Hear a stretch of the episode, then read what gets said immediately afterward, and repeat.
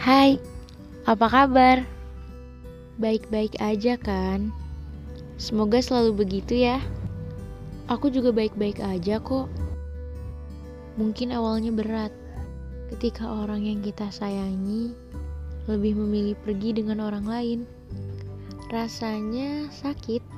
Iya, sakit. Mungkin saat itu aku ngerasa semesta gak adil.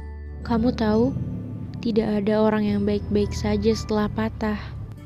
Begitupun denganku. Ingin rasanya aku marah pada semesta saat itu. Kamu pernah bilang kan, kita hanya perlu mengikuti garis takdir. Meskipun tidak sesuai dengan apa yang kita rencanakan. Dari situ aku belajar. Ternyata nggak semua yang kita inginkan bisa kita miliki. Dan kita juga bisa belajar untuk menjadi lebih dewasa. Tidak memaksa siapa pun untuk tetap tinggal, meskipun kita sangat menginginkannya.